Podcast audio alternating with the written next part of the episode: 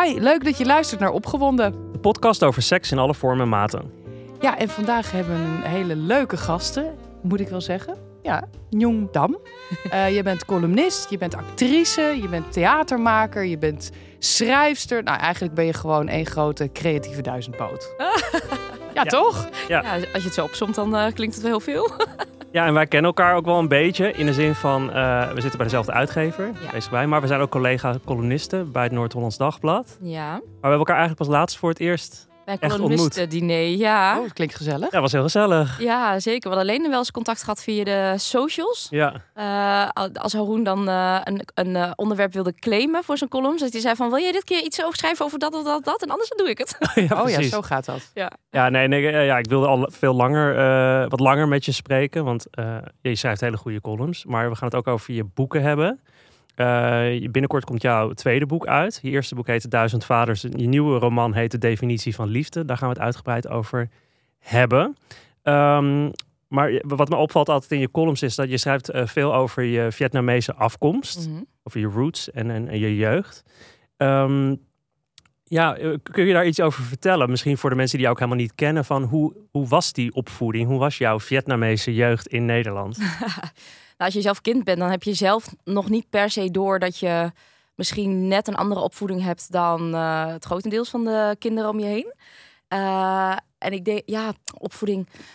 Ik, ja, ik heb een traditionele, hardcore traditionele Vietnamese opvoeding gehad. In de zin van dat uh, thuis, ehm, mijn ouders kweekten dan koriander in de tuin.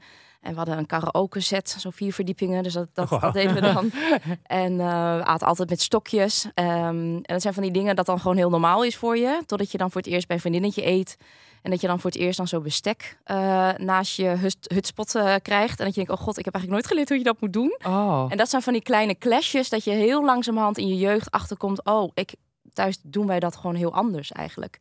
En ik denk dat het vooral echt wel merk in ja, bepaalde normen en waarden. Hoe ik ben opgevoed van, um, ja, ik denk hoe naar vrouwen wordt gekeken, maar ook de tweetaligheid.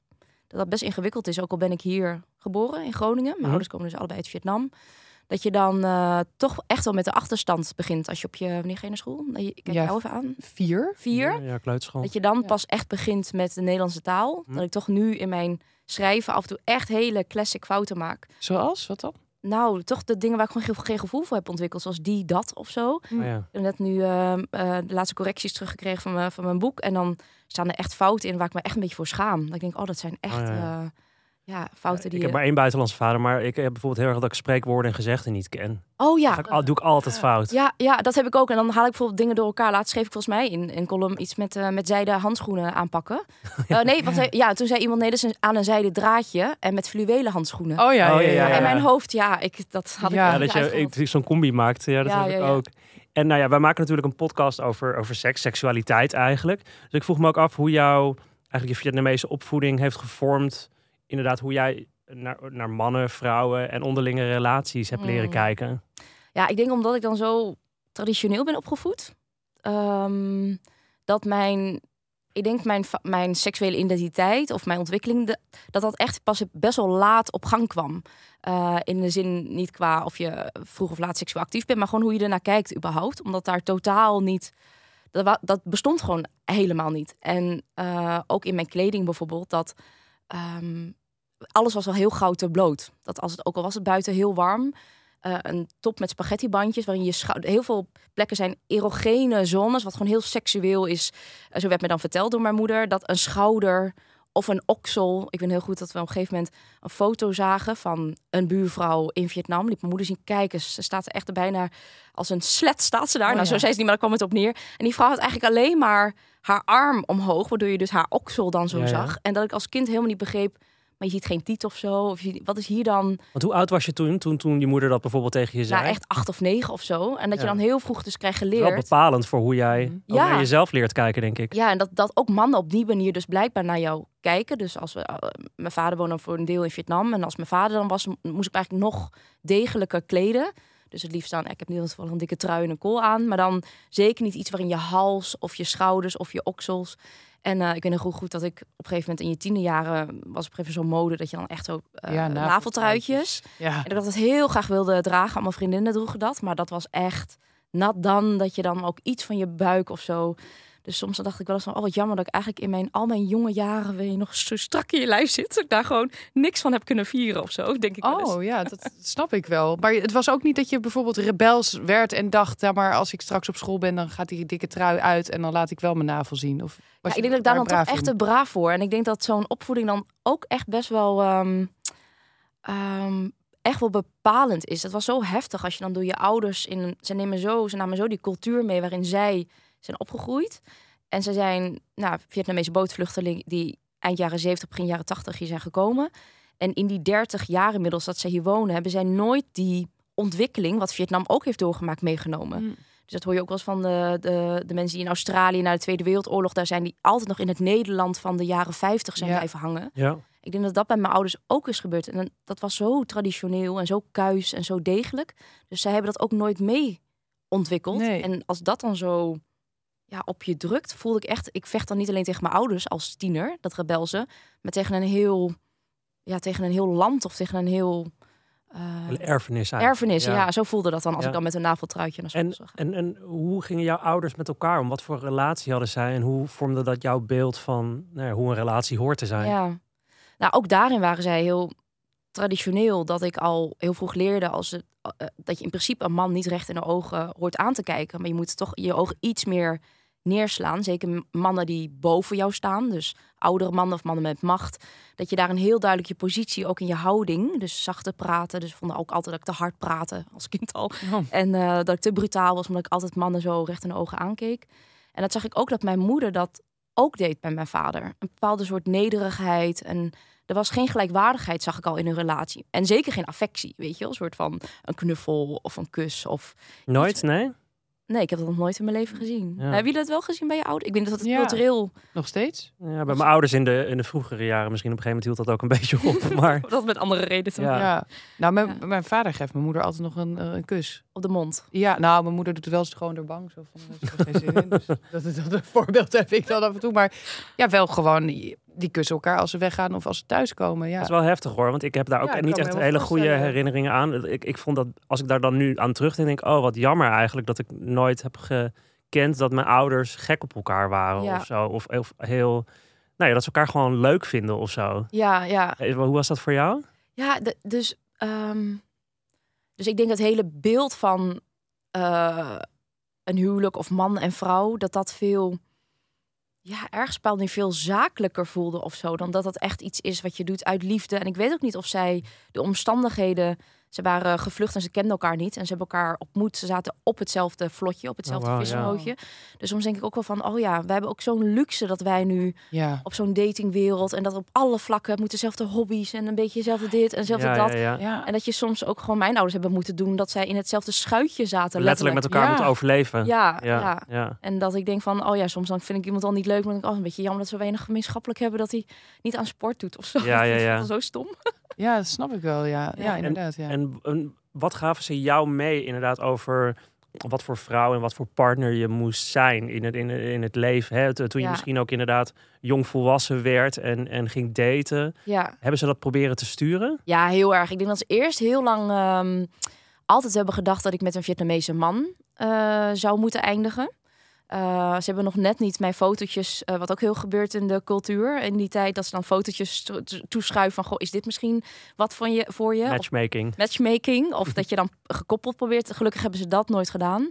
Maar wel altijd een soort verwachting van uiteindelijk moet ik wel met een Vietnamese man eindigen.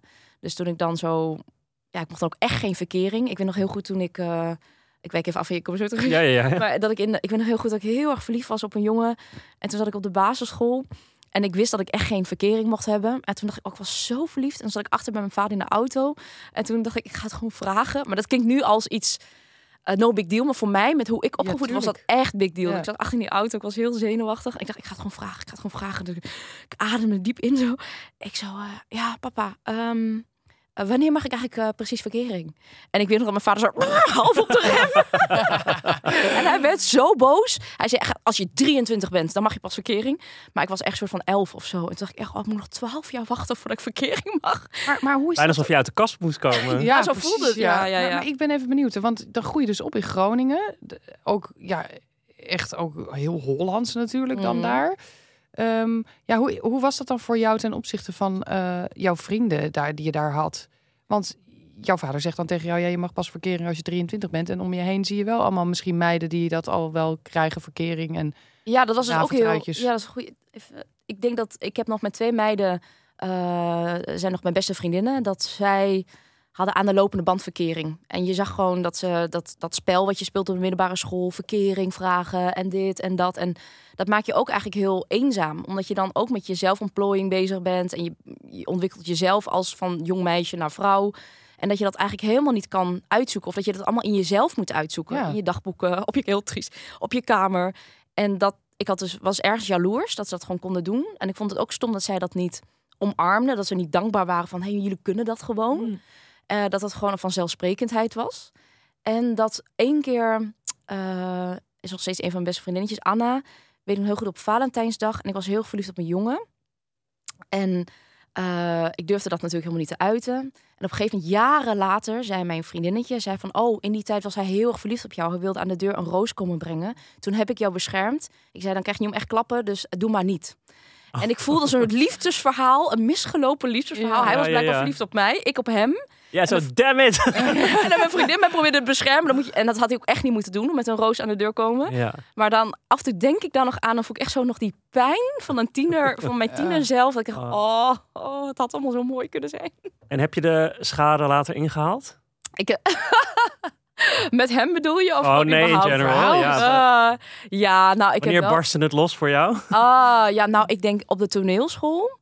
Eh, toen had ik wel, ik had toen wel een, lang, een lange verkering. Ehm, Negen en een half jaar had ik met, een, eh, oh, wauw. met, met iemand. Maar op de toneelschool word je echt vanaf de ontgroening al, ik noem het echt ontgroening in plaats van auditierondes, word je daarna echt helemaal aan alle kanten je vrouwelijkheid, je seksualiteit. Later zijn ik natuurlijk heel veel MeToo-verhalen daaruit uit Ja. die periode en zo ook losgekomen. Maar daarin heb ik wel opeens in een snelvaattrein heb ik denk ik mijn hele tienerjaren van hakken, korte rokken. Opeens liep ik elke dag helemaal nergens met rode lippen terwijl je bewegingsles hebt met hakken, pumps. Nam het ervan. ja, nou je toch en niet zozeer dat je het er nam, van nam van dat je met eh, nee, Jan en. Alleman eh, in bed rolt, maar wel echt gewoon mijn vrouwelijkheid daarin proberen. Wie ben ik als vrouw? Ben ik iemand die juist heel graag een kort rokje draagt of juist niet? Zet ik me tegen af? Wil ik juist stoer zijn? En ik kwam erachter dat ik toen was ik 23 dat ik dat helemaal niet wist van mezelf wat voor Hmm. vrouw. En af en toe raak ik nog steeds een beetje in mijn identiteit als vrouw een beetje van oh ja, is het niet te veel? Ja. Is het niet eh, Maar was dat een, een mooie tijd voor jou of was dat juist een verwarrende tijd? Nou, ik denk wel dat ehm, er was ergens. Nou, het er zat wel een randje van onveiligheid aan. De verhalen die we allemaal wel kennen. Ja. Maar voor mij, met waar ik vandaan kwam, denk ik wel dat het heel goed was. Ik denk niet dat ik zo op het toneel had kunnen staan zonder dat iemand eigenlijk ehm, zo. Om, nou, alleen al dat je de douches waarin jongens en meisjes gewoon naakt op dag één kleed je me uit en ja, dan zie je gewoon een soort van twintig eh piemels zo om je heen. En eh dat is gewoon best wel een shock was dat voor mij. Ja, want ik zat dus ook op dezelfde school. Eh, en ik kom dan uit zo'n Amsterdams nest. Een beetje vrijgevochten en zo, weet je wel. We liepen ook gewoon naakt thuis rond. Dus voor mij was die, die douche-scènes, zeg maar... Ja, Waren, waren voor mij vooral inderdaad le- lekker naar piemels kijken. Want ik vond het fascinerend hoe ze er dan weer bij hingen. Maar voor de rest, ja, ik liep daar ook... Ik liep heel vrij rond daar eigenlijk. Maar... eh, ik had echt ook wel wat meiden in de klas die er echt vanuit een andere achtergrond kwamen of andere andere plek. En die dat echt heel, als heel heftig hebben ervaren. En later dacht ik ook eigenlijk best wel pittig, toch? Dan Ja, ik vind om het best pittig. aan blootgesteld te Ja, worden. en ook gewoon vooral omdat je daar niet in begeleid wordt. Dat nee, het gewoon- nul. Het is gewoon in de architectuur alleen al, in zo'n gebouw. Dus in het vocabulaire van de docenten, maar ook in het gebouw zelf is het zo ingedeeld dat je... Nou, er was één douche wat gesloten was. En één meisje uit mijn Ja. klas ging altijd naar die douche. Mhm. En ze werd er wel echt om geshamed. Dat zij Ja, wel ja. heel tuttig was. En heel. Ja. heel preuts. Dus dat werd niet... eh, het was niet van, oh goed voor jou dat je voor jezelf opkomt. Maar dat, dat was wel een beetje de loser. Ja. Ja. Maar je, want voor de mensen, je zegt de, de verhalen kennen we wel, maar wat voor bijvoorbeeld oefeningen of dingen moet ik aan denken dan die je moet doen, die eigenlijk, als je er nu op terugkijkt, best wel ver gingen, ook eh, in, in termen van je vrouwelijkheid. Ja, nou, de, we hadden één les, eh één soort module waarin we dan Tsjechov speelden. En daarin werd toch wel echt benadrukt dat de vrouwenrollen daarin wel eh, echt met hakken moesten Mhm. lopen en korte rokken en rode lippen. En dat is nu, als ik erover nadenk, is dat zo seksistisch. Ja. En zo dat je in die rol geen vrije interpretatie kan geven aan een vrouwenrol. En dat je een vrouw van nu bent, maar toch gedrukt wordt dat dat het beeld is. En dat we dan die lessen hadden ook heel vaak s'avonds. Dus dan voelt het al anders. Ja. Is het gebouw leeg? Je bent alleen met je klas. En dan zei die docent ook dat we met echte drank, met wodka, om een beetje los te komen. Oh jeetje. En dat zijn allemaal elementen bij elkaar. ehm, waarin je toch wel voelt van waarom moet ik eigenlijk een glas wodka achterover atten en met een kort rokje die rol spelen. Eh, en, ik, en ik voelde me heel ongelukkig in die rol. En ik voelde mezelf zo op die hakken rond. Ik, ik kon dat gewoon niet zo goed. En dat je ook gewoon moest leren om op hakken te lopen. En eh, toen dacht ik, oh, de jongens hoeven dat niet. Alleen wij moeten dat dan leren. Wat moeten die jongens dan leren om, om beter op het toneel te staan? Ja. Nog los van alle fysieke lessen, hè, waarin je eigenlijk gewoon... eh, Maar deze docent is later ook eh, beticht natuurlijk van MeToo. ja, ja, ja. Want wij hadden die lessen ook. En ik nam dat ook aan voor, nou dat hoort er dan bij. Maar Ja. als ik daar nu aan terugdenk en in gelukkig jaren later naar boven is gekomen, dat dat dus ook eigenlijk een beetje grensoverschrijdend is geweest. Ja. In meerdere opzichten. En ook verder is gegaan bij sommige meisjes. Zeker veel verder. En daarom Ja. noem ik dat specifiek voorbeeld niet. Ja. Omdat ik ook vind dat als je het hebt over grensoverschrijdend gedrag, dat daar een hele lange aanloop al is voordat. Want als je Ja. denkt aan MeToo of grensoverschrijdend gedrag, denken mensen aan, laat ik zeggen, de daad zelf. Klopt. Maar die hele aanloop naartoe, daar gebeurt dat psychologische spel. En het begint al dat je thuis. Ik had geen rokjes, dat ik thuis een rok leende van een huisgenoot.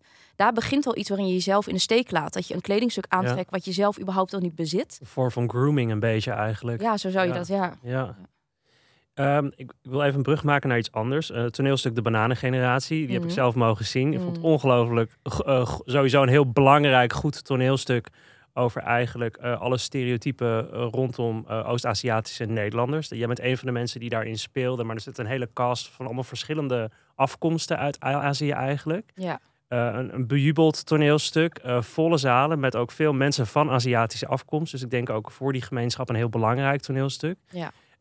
En in dat toneelstuk speel je eigenlijk ook heel erg met de, ehm, de stereotypen die op jou worden afgevuurd. Maar ook waar je als actrice vroeg in je carrière ook mee te maken kreeg. Typecasting. Ja, ja. Eh, voor, de, voor de mensen die er niet bij waren. Ik weet heb jij Nee, ik heb hem niet gezien. Ja. Sorry. Ja, dus- maar dus, ik Eh, er wel veel Wil je alsjeblieft met- inderdaad uitleggen inderdaad, hoe dat toen je al, hè, als begon als actrice, eh, hoe je vanwege je afkomst en je looks heel erg in een hokje werd geduwd? Ja, nou, er zijn nog altijd de representatie van de A- Nederlandse Aziatische acteurs in Nederland is. Dat slaat helemaal nergens op. En als je het hebt over Vietnamees, ik ben de eerste en volgens mij nog altijd de enige Vietnamese actrice die van de Nederlandse toneelschool is afgestudeerd. Dus je voelde aan alles dat de andere kant, het werkveld, casting directors of scenario schrijvers of regisseurs, daar soms gewoon eh, eh, geen. Ze, wist, ze keken naar mij en zeiden, wat moeten we daar nou mee? Dus dan deed ik audities en op school ging het supergoed. Maar het begon al bij mijn stage zoeken dat ik 13 keer op rij werd afgewezen. Ik kon maar geen stage vinden. En ik dacht, Ja. ik ben nu nog gratis.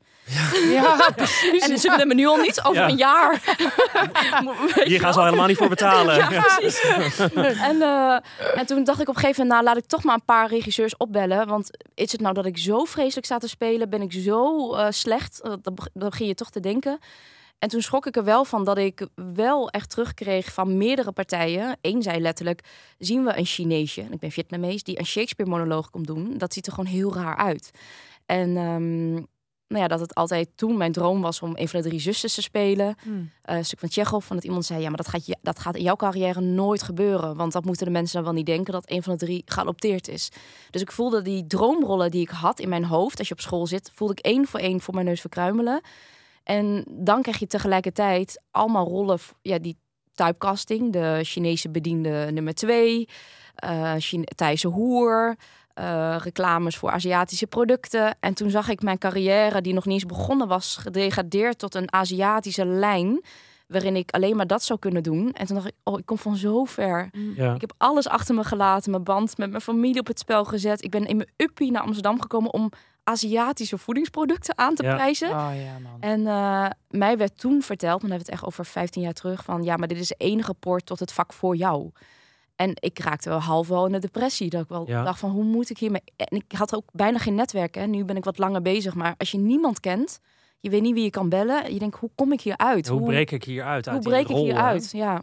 En dat, dat, dat, dat doe je heel grappig na in, in de bananengeneratie. Je doet een soort van compilatie eigenlijk Ja, van al die van audities Ja. van je cv. Wat, ehm, eh, hoe, waren, hoe, hoe zijn de reacties geweest op dit toneelstuk? Hè? Ook juist vanuit de gemeenschap. Eh, Ja, het idee dat dat heel erg resoneerde bij mensen. Ja, wat heel bijzonder was, was dat de zaal echt heel divers was in alle opzichten. Eh, en wat wij vooral merkten, dat in de zalen waarin, eh, nou laat ik het zo zeggen, overwegend de witte Nederlander daar zat, dan werd er op andere eh, momenten gereageerd en gelachen dan wanneer de zaal overwegend met Azia Aziatische Nederlanders daar zaten. Want dan werd daar vooral gereageerd, bijvoorbeeld zo'n cv. Nou, dan werd er om gegruweld of om gehuild. Mm. En daar waar de Ne- witte Nederlander vooral alleen maar erom lachten, voelde je echt een soort, was het veel stiller bij die scènes die pijnlijk ja, ja, waren. ja, ja. En dat overal vond ik het heel bijzonder dat eh, de zalen toch echt vol zaten. Want we zaten op het einde toe heen, waren we uitverkocht, wat in deze tijden voor theater heel ja, bijzonder is. heel bijzonder, ja. Met veel Aziatische Nederlanders die zeiden: ik, ik ben, Dit is de eerste keer dat ik in het theater zit. Want tot nu toe zijn er geen verhalen waarin ik mijzelf gerepresenteerd zie. ja. En je voelde dus zo die hunkering naar: ik wil zo graag ook mijzelf zien in Ja. de media, eh, in films, op Ja. het toneel.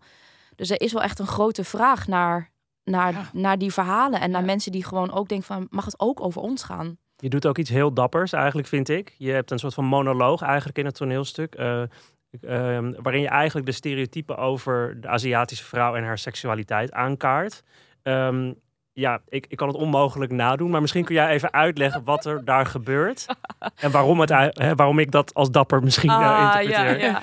Nou, ik, er is een scène waarin ik dan eh uitweid over mijn dateleven als Nederlandse Aziatische vrouw. Eh, en waar je dan allemaal tegenaan loopt met de stereotyperingen. Eh, wat ik best wel heftig vind, vond om daar eh, mee te maken te hebben. En dan eindig ik uiteindelijk. Eigenlijk gaat het echt over die enerzijds traditionele opvoeding en anderzijds dus die stereotyperingen. Dus je wordt enerzijds geseksualiseerd door de, de man, mannen waar ik mee deed, maar ook ehm, eh, daar waar ik aseksueel m- word gemaakt door mijn familie. Laat, laat ik het even zo Mm. zeggen. Ehm, en dan eindig ik uiteindelijk met, eh, oh ja, dat de mannen eigenlijk altijd eh, de illusie hebben dat Aziatische vrouwen een magisch kutje hebben. Ehm, hoe pijnlijk dat is. En dan eindig ik ook voor degene die daar heel weinig bij voor kunnen stellen. Hier een kleine indruk van mijn magisch kutje. En dan maak ik een soort dans waarin ik één grote vagina ben met alle flubberende flapjes en spuitende klitten en ik weet niet wat allemaal. Ehm, en ik denk dat je daarop doelt, toch? Nou ja, het, het is, het is Ja. een hele eh, sterke audiovisuele ervaring. Ja, Eh, ja. Het zegt ook heel veel. En ik vroeg me ook af, hè, met wat je in het begin zei over je ouders en de angst voor jou eh, als seksueel wezen misschien ook. Ja, hebben je ouders het stuk gezien Ja, en hoe reageerden ze specifiek hierop? nou, ik zou je echt vertellen, ik was bloedzenuwachtig. Ja. Dat mijn ouders ten eerste heb ik al veel te overwinnen om hen überhaupt mij, eh, om mij te accepteren als actrice. Hm. En om ze al te laten komen. Dus ik had echt gepusht dat ze dit stuk in ieder geval moeten zien. Omdat ik ook hen verhaal eh, voor een deel Ja. eh, vertel. Maar toen dacht ik bij oh god, oh nee, dan heb je ook die scène. Ja, ja, Ik had echt twee weken van tevoren ook gewoon bijna niet slapen. Ik dacht, hoe moet ik het doen? Ik heb een Vietnamese tolk proberen eh, daarheen te halen om mijn ouders er doorheen te leiden. Ik zei, kun je dan wat context. wat context. En ik zei, misschien kunnen die scène net een beetje anders vertalen. Dat het... Oh. En toen hielp ze me nog van, oh, misschien moet je op Google naar synoniemen zoeken. Dat je het, je moet ze wel echt bellen. Ze, zij zei Oh. tegen mij, eh, zij is een vrouw die met veel Vietnamese eh, immigranten dan hier werkt. En zij zei wel, je moet je ouders, het is geen illusie. Dat jij er twee weken niet van slaapt, is echt reëel. ja. Dus ik dacht van, misschien haal ik het in mijn hoofd, maak ik me druk om niks. En nee, het is reëel. En jij moet echt zien dit stuk als een coming out. En zo Ja. voelde het ook voor mij. het is echt jouw coming out als thuis ben jij die traditionele Njom nog altijd. Trek ik daar nette kleren, ik ga gelijk in de keuken staan. Die stap voor hen, de Njom die in haar kooltrui achter de keuken, in de keuken gaat staan na een flabberend, flabberend kutje spelen, is gewoon heel groot. En zij zei, die shock is gewoon echt te groot voor hen. En zei ze, misschien moet je het gewoon inwijden in... Toen gingen we samen, zaten we echt te brainstormen naar, naar synoniemen. Ze zei, misschien een bloem... Of je doet een, een vlinder act. dus Oh, zo ja, zaten ja, we voor ja. dat die kutjes act. Zaten we eigenlijk allemaal synoniemen te bedenken hoe ik het een beetje maar toen uiteindelijk kwam er ook achter, ja, wat je ook zegt, het is ook wat het ja. is. Ja, ja. Dus toen dacht ik, oké, gewoon zoals een coming out. Ja, Ja. Ik, ik weet het niet meer. Kijk, jou even aan. Nou ja, ik ik- of jouw de, angst die je beschrijft is wel een beetje herkenbaar. Van hoe gaan ze reageren? Want hoe reageerden ze er uiteindelijk op? Ja, dus uiteindelijk dacht ik gewoon, oké, gewoon maar eh, oren, neus dicht en kopje onder en gewoon gaan. Wauw, wel dapper. En ehm, bij, eh dat was in Groningen in de Schouwburg. Ehm, en toen bij het applaus, nou dan buig je en dan kom je terug. En op een gegeven moment hoorde ik allemaal mensen op eerste rij zeggen, oh je vader, je vader. Toen was mijn vader dus met een hele grote bos bloemen Oh, naar voren gelopen. Dus hij zat midden in de zaal, echt had zich tussen de menigte doorgewurmd. En die gaf, terwijl in het bijzijn van iedereen, gaf hij mij zo'n bos bloemen. En dat vond ik wel echt wel een heel grote blijk van acceptatie of zo op dat moment even. Roerend. Ja. Ja, en Ik ben dus niet verstoten na dit toneelstuk. nou, we hebben er nou nooit meer over gehad. Nee, ja, precies. Dus Nee, dit, is, maar- dit is voor hun wat zij konden doen eigenlijk om jou daarin te steunen. ja, eigenlijk. ja, ja, ja. Mooi verhaal zeg. En, en, en, en ja, dapper en ook af toch vanuit je ouders. Dus ook een, een teken van, eh, hè, we zijn er voor je. In die zin, Ja. we zitten er en we... We zei, ja, en wat Haroon zegt over moedig, ik hoorde wel, die zin is me echt bijgebleven dat die een vrouw tegen mij zei: welke Vietnamese vrouw van jouw generatie in Nederland doet dit nou? Ja. Hmm. En ze zei wel van, jullie vertellen veel verhalen, hè? ook de Indische cultuur en de Chinese cultuur. En ze zei, die Vietnamese cultuur heeft in die zin wel echt een bepaalde lijn waarin de oorlogsslachtoffers na de Vietnamoorlog, wat nog maar net één generatie boven mij is, dus niet, Mhm. er zit geen generatie tussen. Hm. Het zijn mijn ouders. Dus in die zin zei ze, die stap die jij maakt, eigenlijk normaal maakt een generatie daarna pas Ja, die ja, stap. ja. Jouw kinderen zouden dat Ja, eigenlijk ja, pas Dus die ballast die je voelt is heel wezenlijk, omdat je Ja. eigenlijk zoveel daarin moet eh, ja, over, hoe zeg je dat, over springen, overgaan, Ja, Ja. overbruggen. overbruggen. Ja, dat bedoel ik. Ja, dit is precies zo'n voorbeeld waar we Nou, nee, gaat goed, eh, ja. Help elkaar. Ja, ja. En ehm, ja, even om even de, de brug te maken tussen eigenlijk inderdaad jouw, die bagage eigenlijk misschien. En jouw date- en liefdesleven nu. Ja, Misschien eerst maar eens vragen, hoe is het daarmee gesteld? want ja, 9,5 jaar relatie, hoe is dat verder verlopen? ja die, eh, dat is uitgegaan. Ehm, dat is ook heel lastig dat je vanuit Groningen. Ik ben ook echt wel, ik zou niet zeggen een ander mens of een andere vrouw geworden, maar meer mezelf geworden. Daar waar ik zo voel, als ik ook denk aan mezelf. Ik heb eerst een andere studie gedaan, psychologie en heel keurig. Ik ga later bij de GGZ een soort opleiding doen. En het was echt een jong die, als ik aan die jong denk, voel ik me een gevoel van onderdrukking. Voel ik Mm. ergens in alles Mm. niet mezelf kunnen zijn. Dus die jongen had verkering met iemand wie ik eigenlijk helemaal niet echt was. Eh, zo voelt het dan als ik dan terugdenk. En nu eh, heb ik, ehm, ja, ik heb een relatie met iemand. Het is best pril. Oh, Eh, deze zomer is het officieel aangegaan. Oké. En in maart hebben we elkaar leren kennen vorig jaar. Dus dat is nu eh, bijna een jaar. Bijna, ja, ja, Ja. bijna een jaar geleden inderdaad. Ja. En wat kun je over hem vertellen? Eigenlijk giechelen, zegt hij ja. ja, willen we het weten. Wat wil je weten over hem? ja, eh, ik weet niet. eh, wat, voor, wat voor jongen is het? Wat Ja, doet hij? Ja. Alsof ik je ouder ben. Wat doet hij voor de kost? Is het Waar komt hij vandaan? Is Nou, het het is geen Vietnamees. Ehm, nou, eh, hij heeft... ehm, eh, dat is wel heel leuk. Hij heeft ehm, ook andere roots. Roots eh, hij is eh, oorspronkelijk uit eh, Israël. Oké. En dat is wel heel leuk en bijzonder dat je dan totaal uit een andere cultuur, maar je vindt elkaar wel in veel dingen. als je het hebt over die clash of over dat je in een ander, ja, thuis echt met een andere cultuur- Familiedruk misschien? Ja. Ja, nou, daar heeft hij wel iets minder last van. Ik weet niet of omdat hij man is. Hmm. Maar ik merk wel dat als je in je 30, mid 30 jaren helemaal een soort van opnieuw begint, dat je het nog in je hoofd hebt van, oh ja, dat ik me soms twintig baan van, eh, oh, we zien wel, we hebben alle tijd, maar dat eigenlijk heel veel onderwerpen veel eerder, naarmate je ouder wordt, veel eerder aan bod komen, zoals samenwonen of wat Mm. ga je hierna nog doen. Dat als je twintig bent, dan zie je allemaal wel Kinderen misschien. kinderen en dat je dat is best wel eh, anders, merk ik. Dus En in welk stadium zitten jullie dan eh, in die gesprekken nu? Nou ja, nou, al wel over van goh, ehm, ja, hij woont ergens anders, ik ergens aan we allebei een huisje. Ehm, dat we denken, oh, met samenwonen. En dat je dan hij ook woont wel in Nederland? Of is het zo- Nee, woont wel in Land- Nederland. Ja, ja, in Amsterdam ook. Ja. En dat je wel merkt van, goh, in deze levensfase waarin ik het zo op een gegeven moment in mijn upje heb moeten doen. Zeker in coronatijd is mijn huis echt mijn veilige haven geweest. Ik heb me zo eraan vastgeklampt. En hij ook. En dat je nu echt denkt van, daar waar je vroeg je leven samen voegde makkelijker. Van een studentenhuis allebei naar een groter huis is gewoon een stap vooruit. Ja. Voor ons voelt het allebei, in deze fase is het voor allebei een beetje een stap achteruit. Ja. Je, je levert een beetje iets in wat van jezelf was. Of zo, als je dat doet. En qua, qua vrijheid die je nu voelt in de relatie? Want je zegt eigenlijk, je vorige relatie liet je niet helemaal jezelf zien. Hè? Je vorige relatie had eigenlijk verkering met een andere vrouw dan wie je nu bent. En hoe is dat nu? Voel je helemaal vrij om te zijn wie je bent bij hem? Ehm, ja, het is wel makkelijker instappen als je zelf beter weet wie je bent. Is het ook gewoon veel makkelijker omdat te, iemand weet niet anders dan dat, dat jij dat bent. En ehm, ja, wat wel, ehm, ik weet niet of jullie, hebben jullie relatie met iemand uit het vak ook of niet? Ja, ik wel. Eh, Ja, mijn vriend komt, werkt ook in de media. ja, ja, ja. Nou, mijn, mijn vriend dan niet. En ik, ik vond dat gezond voor mezelf, omdat ik zoveel werk, dacht ik, oh, toen ik aan het, op die dating app zat, iemand die niet in het vak zit, dacht ik. Ja. Het gaat er bij mij alleen maar over werk. En tegelijk, kunnen twee acteurs ook geen relatie met elkaar hebben. Dat gaat toch altijd fout? Goed. Jora? ik hou mijn mondje ja, jongens, je, dat lijkt me best ingewikkeld. Is het ook. Ja, omdat je dan jaloezie voelt of eh, concurrentie soms ook. Ik neem even een slokje, we gaan door. door. Neem even een break. Ja, voor, jou, voor jou is het fijn dat hij eh, eh, iets heel anders doet. Nou, ik vind dat wel. Ik, ja, wat je net zei, die duizendpoot. Ik heb iets obsessiefs met mijn werk. Het is alleen maar dat. Dus ik vind het ook gewoon gezond om te beseffen. Als je einde van de dag dat je denkt, ja, het was ook maar een interview. Het is ook maar een boek.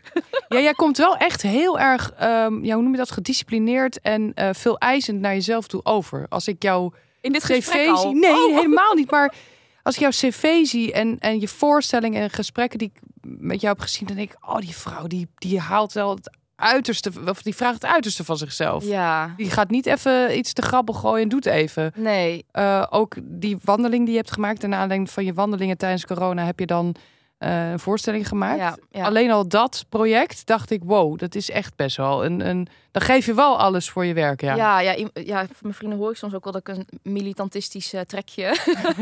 Niet in dit gesprek trouwens hoor, Zit maar er een het soort van bewijsdrang in of zo? Nou, is ook bewonderingswaardig trouwens. Ja, ik denk dat.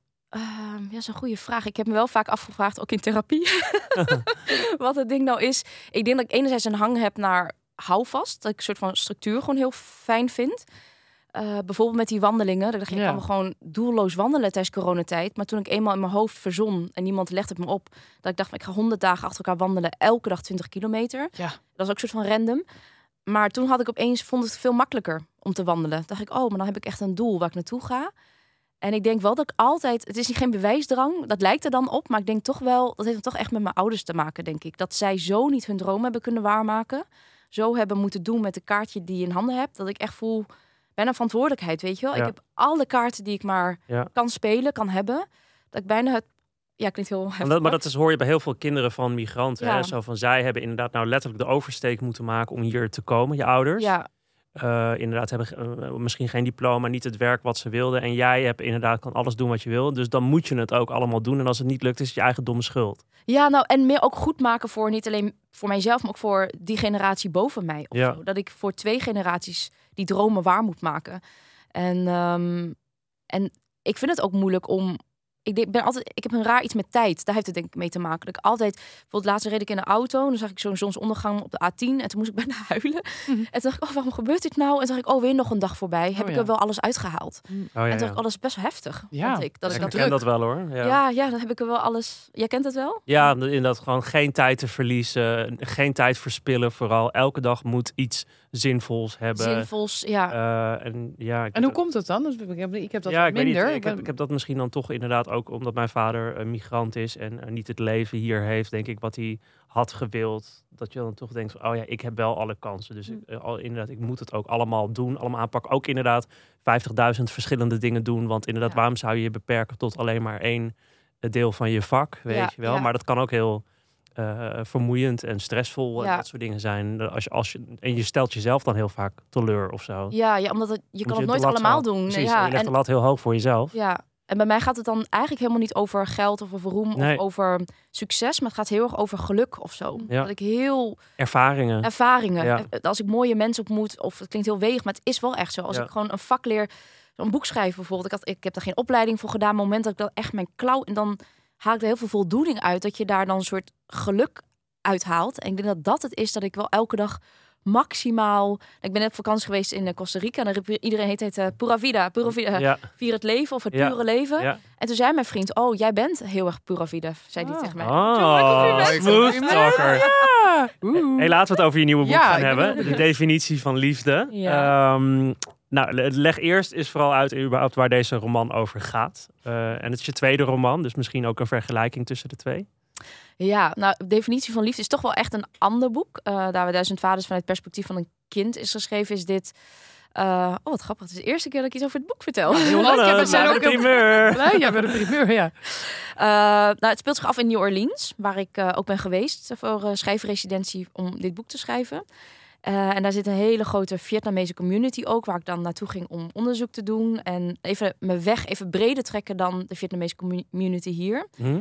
En dat is dan, wordt het verhaal verteld vanuit een perspectief van Rose, een succesvolle actrice daar, eh, die op punt staat op tournee te gaan naar Europa vanuit Amerika, maar ehm, verlaten wordt door haar geliefde in een zwangere toestand. Mm. En dat doordat al die fundamenten om haar heen wegvallen, eh, het werk schijnt weg te vallen, eh, haar geliefde valt weg, staat op punt om te kiezen wat te doen met die zwangerschap, wordt ze zo teruggeworpen op haar roots, op haar jeugd. Eh, Zij heeft zelf ook Vietnamese ja, oude- ja, ja, dus ja. kind van Vietnamese ehm, eh, eh, ouders. Dus migrantenkind. En dat ze dan zo voelt van... oh, ik heb nooit het fundament gelegd in mijn leven... om liefde te kunnen accepteren. Mhm. Om dat te kunnen, überhaupt liefde kunnen. Eh, en dat ze dat ehm, ja, met die ja, nieuwe ontdekking... opnieuw het leven moet heruitvinden. En hoe dat dan gaat en hoe ingewikkeld dat is... als je toch ergens bent waarin je, je, waar je wortels niet liggen... om daar toch wel ehm, ja, je thuis te maken. ja. En, en ja, dat is natuurlijk echt een clichévraag om te stellen aan schrijvers die boeken schrijven. Ehm, maar in hoeverre linkt het aan je eigen verhaal, aan je eigen leven? Eh, nou, Je bent eh, natuurlijk actrice ook. ik ben actrice ook, ja. Succesvol actrice. Nee. Succesvol actrice. Ja. ja, die link is. Noem En maar even hoor. kind van. Maar, eh, Maar voor de rest, nee. ehm, ik denk dat er zeven heel veel elementen zijn waarin ik me heel erg. eh, die zeker uit mijn leven gestoeld zijn. Maar vooral het element, denk ik, van dat in. Dat was bij mijn coronatijd. Dat al die pilaren om je heen zo wegvallen. Eh, op een voor jezelf eh, een cruciaal moment in je leven, in je mid 30 jaar. Elke, leeftijd heeft een cruciaal moment. Voor mij voelde dat op dat moment heel zo. Dat je dan zo rauw achtergelaten wordt. Hoe dan verder? Eh, en ik denk, ja, dat lijntje van die vrouw met, met, met, met haar liefde. Ik denk dat dat wel ehm, voor een deel gestoeld is op ja, waar ik vandaan kwam. Maar wel, ik heb het wel totaal gefictionaliseerd en gedramatiseerd. Want ik heb toen heel veel vrouwen gesproken die toch wel op een punt staan van over gezinnen, over Mhm. moederschap. En dat daar zoveel verhalen waarin nog altijd taboes zijn, schaamte, ehm, die, waar niet over gesproken wordt, dat ik die verhalen wel heel erg een plek wilde geven. Dus in die zin gaat het niet alleen over Rose, maar ze gaat heet het in gesprek. Elke gaat ze in gesprek met iemand anders. En daar komen al die verhalen buitelen over elkaar heen, over Ja. onderwerpen van ik vind dat er te weinig over gesproken wordt. Ja, en we, we hebben een fragmentje kunnen lezen eigenlijk. Hè? Want eh, je bent nu nog in de, op het moment dat we je nu spreken, ben je nog in de afrondende fase. Mhm. Eh, het heeft ook een interessante vertelvorm. Toch? Eh, ja, de stem. Ja, ja. Ehm, ja, het wordt voor een deel verteld vanuit Rose, het hoofdpersonage, maar voor een deel ook vanuit het ongeboren kind. Ja, dat vond ik al heel mooi. Ja. Waarom, waarom heb je ervoor gekozen om dat te doen?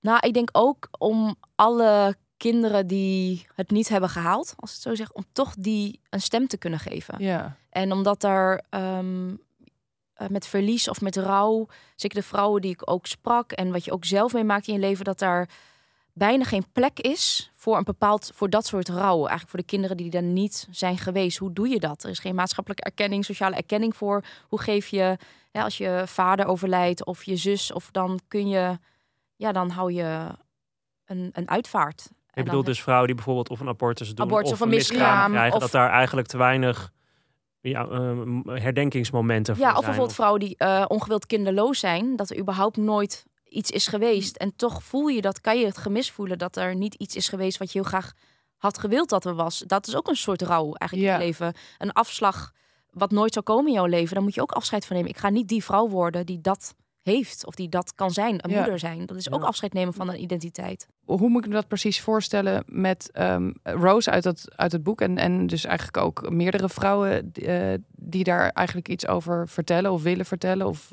benoemen het is een, eigenlijk een taboe of er wordt juist niet over gesproken. Ja, hoe, hoe zit dat precies? Kan je daar iets meer over zeggen? Nou, ik schrok er wel van dat de vrouwen die ik dan sprak, eh, en ook sommige kende ik heel goed, hoeveel verhalen, hoeveel verzwegen verhalen er eigenlijk zijn. Dat dat een soort, uh, hè, als, je het concreet maakt over abortus of miskramen, dat dat zoiets is het leed wat je dan dat een vrouw alleen draagt. Zelfs binnen een uh, relatie soms al. Mhm. Dat de vrouw dat toch echt alleen moet dragen. En dat vond ik gewoon heel heftig. Uh, en laat staan dat je, als je bijvoorbeeld naar je werkgever toe, als je ziek bent en je, hebt, je voelt je niet lekker, een verkoudheid, kun je zeggen, ja, ik, ik ben griep, ik blijf thuis. Maar hoeveel vrouwen ik ook in het werkveld heb meegemaakt die die ochtend nog een miskraam hadden en s'avonds op toneel stonden. Ik vind, ik vind dat gewoon zo gruwelijk en zo heftig. En dat daar nog altijd een, ook een bepaald soort schaamte op zit. Dat je ook niet aan mee te koop loopt, uh, er ook niet over wil zeuren. Dat het gewoon uh, iets is wat je gewoon zelf moet dragen. En ik denk, Ja. oh, dat is toch zoveel. Ik merk dat ik als man daar ook nu voor eigenlijk pas misschien sinds een jaar of zo. Omdat ik het ook in mijn omgeving zie. eh, vriendinnen die inderdaad of een miskraam hebben gekregen. Of eh abortus hebben laten doen. Of niet zwanger kunnen worden. Dat ik daar voor het eerst eigenlijk veel meer ook vragen over stel. Omdat ik ook eigenlijk merk hoe weinig ik vaak van die ervaring begrijp. En inderdaad ook omdat je er gewoon op die manier voor je vriendinnen wil zijn. Eh, maar dat dat eigenlijk pas iets is wat net pas een beetje begint eigenlijk. Dat we daar eerlijke, opene gesprekken Ja. over voeren. En vooral meer die dieper gewortelde begrip voor Ja. wat het eigenlijk Ja. precies is. En zeker bijvoorbeeld als je het hebt over de media, die toch wel eh grotendeels door mannen gedomineerd wordt, waarin dat begrip bijvoorbeeld eh, heel klein is. Eh, dan wordt het ook snel of niet overgesproken of gebagatelliseerd. Ja. dat, eh, Maar laatst nog toevallig uh, Lise Korpershoek die over haar uh, abortus vertelde, open en bloot. En na jaren, hè? ja. En die weer werd afgevallen door een aantal vrouwen. Ja. Over, uh, Ja, door vrouwen, dat is ja, dat vind ik dan wel, uh, denk ik, oh ja, zie je, we zitten elkaar ook wel dwars daarin. Uh, af. Ja, wat daar gebeurde was ook heel ingewikkeld, denk ik. Omdat enerzijds, volgens mij werd zij, als ik het goed begrijp, werd verweten dat ze het bagatelliseerde. Van het is veel erg. En anderen vonden weer dat ze er niet over moest zeiken. Dus je Ja. kan het ook nooit goed Ja. Nee, exact. Uh, dus kan je er maar beter over zwijgen misschien, zeg maar. Ja, ik vind het ook heel lastig hoor, met dit boek wat dan dadelijk uitkomt. Dat ik denk van, oh, het is zo'n onderwerp waarin je een bak shit over je heen kan krijgen. Mm. Je kan alleen maar vanuit jezelf erover praten. Maar het laatste wat we moeten doen is het moment dat die paar mensen die dan proberen uh, het gesprek te openbreken, dat je elkaar niet afvalt daarin. Nee. Want Ja. dan gaat er zeker niks gebeuren. Ja. Nee, En kan je nog iets vertellen over toen je in New Orleans was? Toen heb je dus best wel wat mensen gesproken. Um, en en hoe, hoe was het dan om uh, dit onderwerp ook ter sprake te brengen? Ik bedoel, kon je makkelijk in gesprek komen? Ja, ik, noem, ik denk dat het dan research was voor je boek. Ja, ja. Uh, ik heb niet met iedereen specifiek over dit, uh, onderwerp, over dit onderwerp. Ik was vooral dat ik in Nederland ben opgegroeid en vooral uh, veel onderzoek heb gedaan naar de Aziatische community hier, de Vietnamese Aziatische community hier. Maar dat ik ook dat vond dat dat zo beperkt was. Ik dacht, er zijn vanuit na die Vietnamoorlog zijn er zoveel migranten over de hele wereld zijn die neergedwarreld ergens. En zou dat in Amerika, zouden die dan totaal anders zijn dan mijn ouders bijvoorbeeld? Ik was echt zo benieuwd naar hoe ik ben opgevoed, opgegroeid, of het echt met mijn gezin te maken had, bij ons thuis. Of dat dat kwam door die oorlog of door de trauma's die bijna meer gemeenschappelijk waren. Ja. Dus het was meer een vraag, want soms vroegen mensen ook aan mij met hoe ik ben opgegroeid en hoe dat soms heel uh, bizar en, en ingewikkeld aan toe ging. Dat mensen vroegen, is dat iets Vietnamees of is het iets van jouw vader? Bijvoorbeeld? Ja, ja, ja. En dat is altijd een vraag van mij. En, um, Heb je daar antwoord op gekregen toen je daar was? Nou, ik denk wel dat er, dat er wel iets is in uh, uh, ons gezin ook. Maar dat ik toch wel merkte dat uh, als je toch uh, gezamenlijk een bepaald soort trauma meemaakt, dat daar wel patronen in te herkennen zijn. Um, in als je, je je land moet achterlaten en opnieuw ergens moet beginnen, maar ook als je tegen de dood hebt moeten vechten, als je uh, honger hebt gekend bijvoorbeeld, daar komen echt dingen uit wat doorwerkt in de opvoeding naar de kinderen. Wat ik echt wel herkende in mijn opvoeding ook. Mm. Hoe, uh, hoe die mensen zijn, uh, hoe, hoe de mensen daar zijn uh, opgevoed door hun ouders. Dacht ik, oh, dat herken ik wel heel van Ja. ons thuis. Uh, in het boek, um, tenminste het fragment wat wij hebben kunnen lezen, ik ben vooral heel benieuwd naar de rest natuurlijk, maar dan, dan komt eigenlijk de, de nederigheid van Aziatische vrouwen, dat stereotype mm. stip je ook aan. Je, het gaat eigenlijk over Rose die in een kroeg in een gesprek is met nogal een uh, blaaskaak uh, type. uh, die haar probeert te versieren. En op een gegeven moment zegt hij... Aziatische vrouwen zijn tenminste nederig. Anders dan die opgefokte feministen. Ja, ja. Ehm, en daar reageert Rose ook terecht behoorlijk pissig over. Ja. Mm. wat wil je daarmee zeggen? En, en, hoe, ja. waar staat dat voor? Nou, ik heb in mijn dateleven, voordat ik mijn vriend leerde kennen... Um, toch wel vaak eh, dat je denkt, oh, het is leuk, het gaat goed met het daten. En dan kreeg je uit het niks als een compliment van in die trant. Oh, jullie zijn tenminste lekker nederig, geen gedoe. Ehm, en dat in het begin dan denk je, oh, een compliment. En dan fiets je weg, denk je, ja, maar dat is echt heel weird. Dat dat, dat een compliment is en überhaupt dat een generalisatie is. Ehm, en ik denk dat wat dat personage in het boek dan zegt van... jullie zijn tenminste lekker nederig, anders dan die opgefokte feministen. Het is ook lekker makkelijk als je een vrouw tegen je over hebt... die niet loopt te zeiken, niet loopt te drukken, niet loopt te trekken daaraan. Ehm, en dat dat dan als een soort groot goed wordt gezien. Lekker nederig. Ik laat me wel lekker bedienen. Ga maar lekker Ja. in de keuken staan en lekker koken. Oh, klep dicht houden. Al je klep dicht houden. Ehm, dus er is denk ik wel een stereotype... Ja, stereo, ja, het vooroordeel van de Aziatische vrouw... dat ze zo lekker nederig zijn. Dat heb ik wel veel te horen gekregen in mijn dateleven. Ja, terwijl je dat volgens mij helemaal niet bent. Alles behalve, toch? Volgens mij, Alle je bent, schrikken je, zich kapot. nee, maar je bent, uit- je bent Ja. uitgesproken. Volgens mij eh, durf je ook wel gewoon st- stevig je mening te uiten. Oh, nou, maar ik laat weer wel tussen die twee hoor. Ik Ja? merk wel dat als je het hebt net over de identiteit zoeken van mijn vrouw zijn, dat het Ja. ook identiteit zoeken is van eh mijn uitspreken brutaal zijn versus ik schiet ook binnen een vingerknip. Wanneer ik dus een ehm, autoritaire man of zo tegen me over heb, dan schiet ik gelijk mijn hele opvoeding. Je kijkt een man niet recht in de ogen. Oh. Doe maar nederig. Oh, dus ik, wauw. ik laveer echt heel snel tussen die twee. Ehm, dus ik voel wel in mezelf van, oh, ik heb heel erg die drang om me uit te spreken. Maar ik merk wel dat ik soms echt ook wel van huis uit, dat dat echt ook diep in mij zit. Dat nederige. En hoe is dan de dynamiek nu met jouw vriend? Inderdaad, eh, hoe, hoe is de powerplay tussen jullie, zeg maar? Nou, ik merk wel dat ik daar soms te veel op focus. Dus wanneer er is echt alles gaat totaal gelijkwaardig. Maar er is maar één keer dat hij bijvoorbeeld eh, dat ik sta te stofzuigen of zo. En dat ik dan bijna de drang van mij denk niet dat dit eh, ding is. Hè, als we gaan samen wonen. Dat ik dan altijd ga. Terwijl hij helemaal niks erover zei. Nee, alvast zo. een disclaimer. Ja. Hallo. Wanneer ik ook maar een klein beetje ongelijkwaardigheid voel. Wanneer ik ook voel dat die taken dan ook maar iets te veel uit balans raken. Merk ik wel gelijk. Oh, dan moet ik gelijk recht trekken. Voordat we verkeerd hier de relatie instappen, moet ik even, even goed zetten. Ja. Ik Ja. merk wel dat dat. eh, En ehm, er- er nog even één vraag over de bananengeneratie. Want daar, daar gaat het heel erg over stereotypen. Ook inderdaad hoe mannen en vrouwen zich dragen. Ook hoe bijvoorbeeld queer mannen zich gedragen. eh, of, of non-binaire mensen.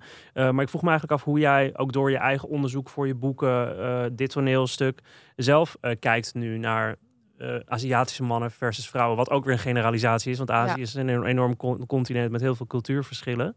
Maar is, kun je daar iets over zeggen? Over hoe je daar misschien zelf anders ben- naar bent gaan kijken? Nou, ik, ik merk wel dat eh, wat we zien in de media bepaalt gewoon heel ons beeld. Hè? En dat daar waar over het algemeen de vrouwen dan toch wel geseksualiseerd worden, eh, de Aziatische eh, Mhm. vrouwen, worden de Aziatische mannen vaker als de nerd, weet je wel, de wiskunde nerd met een bril, een beetje Seksloos. seksloos eigenlijk. Eh, en dat hoorde ik, echt, ja, hoorde ik ook van mijn mannelijke collega's in het stuk ook, die eh, queer zijn en in de datingwereld. Nou, ze lieten me wat appjes zien en hoe vaak Ja. er staat no Asians. Ja. Eh, dat is gewoon puur hardcore racisme wat ze dan. eh, nou, ik, ik vond dat gewoon zo vreselijk. En dat, dat is voor een deel echt, denk ik, door de beeldvorming in de media, hoe Ja. die mannen seksloos worden neergezet. Ja, en ook even een zijspoor. In de gay community is het inderdaad no Asians ook heel vaak. Maar het is dus ook daar zie je dus dat ehm, eigenlijk Aziatische mannen ook wel geseksualiseerd worden. Maar precies eigenlijk met wat, wat als Aziatische vrouwen ook meemaken. Dus, Ja. Want ehm, de, dus de, de stoere eh, top eh, witte man, zeg maar. Hè, Ja. Die wil dan een Aziatische jongen omdat die inderdaad lekker nederig zijn. Gewillig zijn. Ja, Zich niet, eh, niet tegenspreken. ja. Eigenlijk al die stereotypen die je noemt worden ook vaak op, op, op eh, Aziatische gay jonge mannen geprojecteerd door westerlingen. zeg zeker, maar. zeker. Ja, en dan die term Rice Kings, daar had ik Ja. nog nooit van gehoord. Ja. dat je Ik dan, ook eh, niet. Wat, is, wat zijn Rice Kings? Leggen ze uit. Nou, Rice Kings, eh, als ik het goed uitleg, ik hoor je Ja, uit, eh, de, toch wel de, mm, ja, eh, wit, eh, ja, in het geval van eh, bijvoorbeeld een eh, hetero situatie, de witte dominerende man die dan toch wel het heel lekker vinden om eigenlijk eh, nou, naar zo'n gewillig Aziatische vrouw, eh, ja, daar op die manier. Mannen die graag op vakantie gaan naar Thailand. ja, oké, dat is inderdaad een betere uitleg. Ja, maar Je bracht het nog heel ja, netjes uit. Ja. netjes te brengen. Maar maar ik heb zeker ehm, daar waar ik zelf dus hiervoor, hierover schrijf, weer over nadenk. Ik zie ook hoe ingewikkeld dat is, omdat ik mijn kennis was ook beperkt. Ik heb Ja. ook jarenlang rollen gespeeld waarin ik de eh, eh, stereotypering Aziatische vrouw in stand hield. Ja. Ik heb al die rollen ook, niet al die rollen, maar een deel van die rollen ook gedaan. En ik heb voor een deel ook mezelf in die posities gezet waarin ik dacht, oh, dit is wat jullie willen, dat nederige. Dus dan onbewust, hè, allemaal. Ja. Dus het, vergt ook zoveel. Je moet zo inlezen, je moet zoveel kennis vergaren. Dat ik dacht, zelfs voor mij, dus laat staan voor iemand die daar niet mee bezig is. Die brug is inderdaad heel ver. Ja. eh, voordat je daar genoeg kennis over hebt om te denken, oh. ehm, en, en dat heel veel dingen wat ingewikkelder is dan misschien met andere eh, ehm, mensen van kleur. Misschien dat waar wij het over hadden, was de gezelligheidsdiscriminatie. Dat wat wij in onze cast, toen we ervaringen deelden, heel vaak dat we, oh ja, heel veel van onze discriminerende racistische opmerkingen waren toch verkapt onder een blokje kaas en met een plakje leverworst. Van, oh, jullie zijn zo lekker nederig of jullie kunnen zo lekker koken of oh, Jullie werken zo hard. jullie werken zo hard. Dat soort dingen. Ja. Ja. Dus dat, dat klinkt dan als een compliment en heel gezellig en heel leuk. En daardoor Ja. is het hardnekkiger om dat eruit Ja. te krijgen. Ja. Dat iemand recht toe recht aan zegt van, oh, eh, dikke spleet oog. Ja, Ja, ja, ja, precies. ja, Ja, ja. want die mensen hebben het waarschijnlijk niet eens door dat het eh, eigenlijk racistisch is wat ze zeggen. En jij zelf soms ook niet. Dat is het ingewikkelde. nee, Tot je wegfietst en je denkt, oh, waarom voel ik toch me een beetje raar mijn buik daarover? Ja, Ben je daar nu eh, sterker in dat je daar harder tegen uitspreekt? Of dat dat echt soort van wil eh, ja, dismantelen, zeg maar? Ja, ik voel wel een soort missie om, om dat wel eh, daar juist waar er zo weinig mensen nog zijn eh, die, die die stem kunnen laten horen. Nu, hè, steeds meer Piet Wu heeft in zijn boek Bananengeneratie. Reza Kartoze Wong die schrijft er veel over, over modelminderheid. Er zijn steeds meer stemmen en er worden veel voorstellingen en films komen er. Dus ik, ik voel wel een soort missie van al goed om die stemmen te laten horen. En tegelijkertijd vind ik het ook heel lastig in het activistische Mhm. om niet te veel eenzijdig te zeggen van dat gebeurt en dat is zo slecht. Want ik Ja. wil daarom juist ook van mezelf zeggen dat ik zelf ook aan mee heb gedaan. Ja. Omdat het een veel groter structureel iets is ja, ja, ja, dan dat er een foute partij is in deze. ja. Maar dat gaat ook veel meer over bewustwording die je misschien op een meer genuanceerde manier kan brengen dan heel hard erin gaan. Ja, ja, Zodat mensen ook snappen, oh ja, dit is wat ik nu doe. En waar je ook zelf aan aan meedoet. ja, Met die typecastings en weet ik wat allemaal Ja. natuurlijk. ja. En, En- ja, ja. Iedere, perso- iedere persoonlijke ervaring is weer anders. Dus hè, jij kan, niemand kan ooit voor een hele gemeenschap spreken. Nee. Eh, dus eh, hoe meer verhalen, hoe beter. Ja, ja.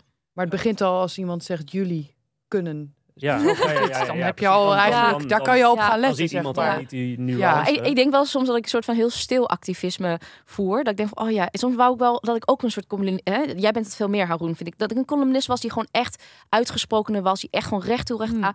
En toen dacht ik, oh, waarom zit dat zo niet in me? En toen dacht ik ook, oh ja, maar misschien doe ik het ook soort van... Misschien praat ik mezelf ook wel goed mee. Dat ik wel een soort stil activisme, daar waar die... eh, het gebrek aan representatie er bijvoorbeeld is, hè, wat ik dan terugkreeg van die voorstellingen. Zo fijn dat je een stem vertolkt. Dan hoeft het niet recht toe recht aan een verhaal daarover te zijn. Maar alleen soms gaat het al puur omdat ze een actrice zien. Mhm. In welk verhaal ze ook Ja. staat. Of dat ze een. En dan ben je dus al een rolmodel. En Ja, kan ook eigenlijk activistisch zijn. ja, of een boek schrijven dat je Ja. voelt, oh, hoeveel Vietnamese auteurs eh, zijn er eigenlijk in Ja, Ja, en Nederland? als ik het complimentje toch even terug mag kaatsen. Want ik vind juist jij in je columns dat, dat je juist door, do- door dat misschien wat meer empathischer op te schrijven, wat persoonlijker te beschrijven, dat er wel hele grote thema's doorheen Mm. spelen. Zoals discriminatie, racisme, uitsluiting, armoede. Eh, dat zit allemaal in je columns en je beschrijft dat juist op een hele mooie manier. Waar ik weer van kan leren van oké, het kan soms ook wat liever, wat aardiger. je kan ook soms mensen wat proberen mee te krijgen. Ja, in ja. plaats van tegen, tegen ze aan te schoppen. ja, ja. Dus ehm, ja, eh, we gaan nu naar het einde Ja. toe. Hmm. Eh, nog, nog even benadrukken de definitie van liefde. Wanneer ligt die in de winkel? 28 maart in alle 28 boekhandels. maart, ja. Eh, ben, je, ben je zenuwachtig, nerveus erover? Oh, ik kan niet eens uitleggen hoe zenuwachtig ik ben. Als je toch drie, vier jaar... Ja, als mensen dan zeggen... Oh, ik heb een paar pagina's gelezen, ik vond niks. Hè, dat zeggen mensen. Of eh, ik wacht tot de oom van de oom van de oom het uit heeft... en dan huur ik het wel bij de biep. Oh ja. zoiets. Ja, Dat doei. ik echt alleen maar wil... Niet alleen voor mij, maar voor alle auteurs. Het is echt een meerjaren project... waarin Ja, zoveel hart en ziel in zit. En zeker alle boekhandels die ook echt gewoon alle steun kunnen gebruiken. Is ook echt... ja, gewoon kopen bij de boekhandel. Niet, Niet eh, bij- van de biep, niet gaan eh, lenen van iemand. Ja, Biep kan op zich ook als je gewoon geen dat Ja, eh, eh, het niet Nee, precies, is om het te maar- kopen. Ja, ja. Als je het geld ja. hebt, gewoon kopen. En ja, ik, ik vroeg me nou ook nog even af, want je hebt dan nu die, dat ei gelegd eigenlijk met het Mm. boek. Ehm, wat nu, daarna? want je kwam vanochtend hier een beetje binnen. Toen was jij nog niet Jeroen. Toen zei, zei ze van, ja, ik ben een beetje nu in een zwart gat. Dus ja, ik vond hem echt een beetje. Ik had echt de- depressieve gevoelens. ja, omdat je hebt, dat boek is af en dan, ja, nu Maar dat weet is toch je. die knaldrang weer van oh, ik moet weer nu iets eh, Ja, gaan opeens doen. hoor ik een, Terwijl je best wel even nu even mag relaxen, toch? Ja, dat moet ik dus echt leren. Ik denk wat ik echt heel goed zou kunnen leren in mijn leven. En daar is mijn vriend dan heel goed voor. Echt leren luieren, leren tijd verspillen, stomme eh, Netflix-series kijken die niet echt eh, voor iets te gebruiken zijn. Mhm. Hele ja, domme dingen kijken eigenlijk. En dat je even zo doelloos bent. Ik voel me zo, maar ook omdat ik heel hard gewerkt heb, Ja. dag en nacht aan het boek, dat je dan opeens Ken je dat dat je heel hard je arm tegen de muur drukt, heel hard zo, en als je dat loslaat, dan gaat die arm vanzelf een beetje zo zweven. Ja. Zo voel ik mijn hele lijf, zeg maar, weet je. Je bent een beetje aan het zweven nu. Ja. Maar dat is ook wel lekker, toch? Ja, zeker. Eh, ontzettend dank voor je komst. Eh, ik vond het echt een heel leuk gesprek. En van het, het fragment wat wij konden lezen van de definitie van liefde smaakte zeker naar meer. Dus wij zijn heel benieuwd. Dus eh, dank. Heel erg dank jullie. Ja, en oh, sorry, ja, ik was al Ja, ik dacht, ik zat naar jou te kijken of je Ja. misschien nog een leuke afsluitende gedachte had. Nee, ja, nee, dat, ik, eh, dat, eh, dat, eh, fragment wat we hebben gelezen is heel prikkelend. En eh, ja, ik zou zeker, zeker eh, zeggen, koop het boek en laat je verrijken door jouw eh, schrijftalent en je verhalen. Noemdam, ongelooflijk bedankt. Ja, En eh, luisteraars van Opgewonden, tot de volgende keer. absoluut. Tot de volgende keer.